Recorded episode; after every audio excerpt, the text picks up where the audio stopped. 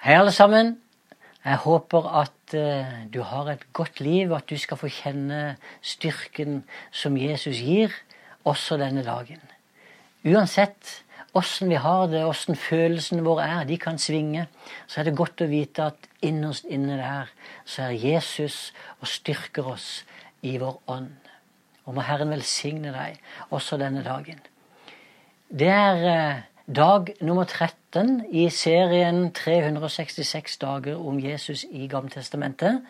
Og dagens andagsord det er henta fra første Mosebok kapittel 7 og vers 1.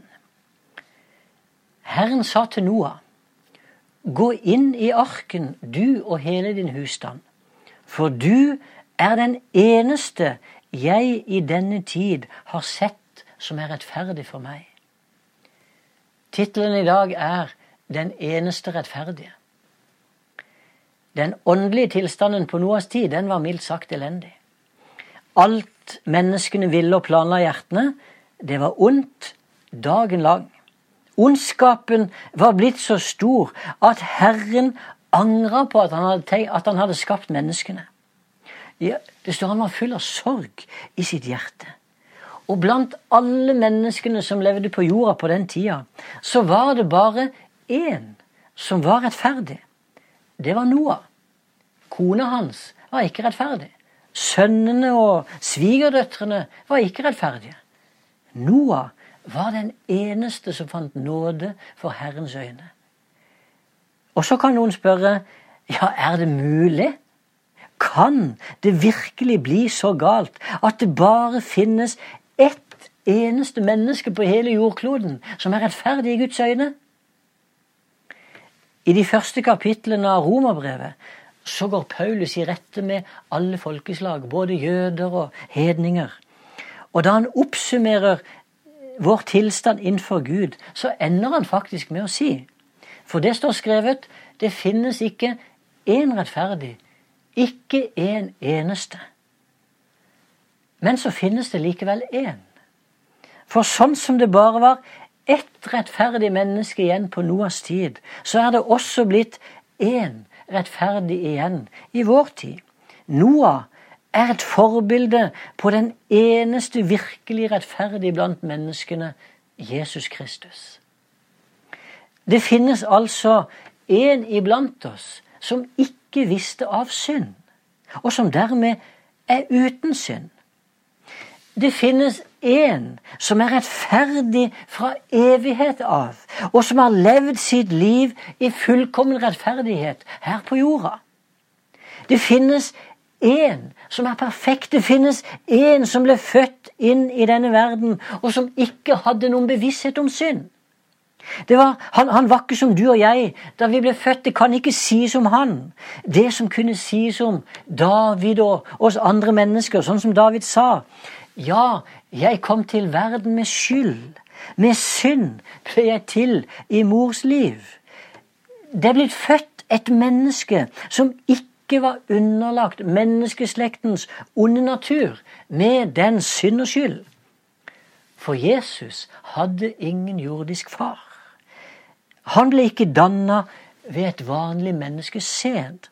Han ble unnfanga ved Den hellige ånd. Og Derfor er det viktig at vi løfter fram jomfrufødselen. Det er ikke en perifer sak, men det er avgjørende for at Jesus kunne fødes uten synd. At Jesus ikke visste av synd, det betyr ikke bare at han ble født fullkommen, men også at han levde et fullkomment liv på jorda. Han ble frista og prøvd i alt på samme måte som oss, men uten synd. Det store i denne sammenhengen det er jo ikke at Jesus er Gud, men også at han var et menneske. For hadde han bare vært Gud, ja, så hadde det jo ikke vært noen kamp for han å stå imot uh, syndens fristelser. Men han var et menneske under samme kår som oss, og i samme skikkelse som oss. Han kunne også ha spotta Gud. Han hadde mulighet til å falle, han hadde mulighet til å motta alle denne verdens riker uten kamp og lidelse. Men han sto fast i det som Faderen hadde sendt ham for å utføre. Og dette må vi alltid holde fram. Jesus er den fullkomne og rettferdige. Det finnes nemlig noe som er sentrum i Skriften, og som alt annet peker imot. Sentrum er dette ene Jesus Kristus og den rettferdigheten han gir. Jesus lærte oss søk først Guds rike og hans rettferdighet. Så skal dere få alt det andre i tillegg. Dette er jo det sentrale. Dette er både begynnelsen og slutten. Jesus Kristus og hans rettferdighet. Et av navnene og, en av de titlene som brukes på Jesus i Bibelen, det er nettopp 'Herren vår rettferdighet', står i Jeremia 23. Jesus kom for å oppfylle all rettferdighet. Det sa han selv da han ble døpt av Johannes. Han gjorde alt som var nødvendig for at det skulle skje. Og så skjer det noe helt fantastisk. Gjennom den rettferdige Noah så berga Gud også de andre som var med han i arken. Og gjennom Kristi rettferdighet så blir vi berga og får del i hans rettferdighet. Som Paulus skrev, han som ikke visste av synd, har han gjort til synd for oss, for at vi i ham skulle få Guds rettferdighet. Og vi priser deg for det, Jesus. Takk for at det fantes en som var rettferdig.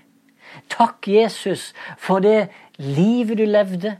Takk for det du gjorde for oss. Og takk for at du har lukka oss inn i din rettferdighet på grunn av din død, på grunn av blodet som du utøste. Vi priser deg, og vi bare tar imot denne fantastiske gaven. I ditt navn. Amen.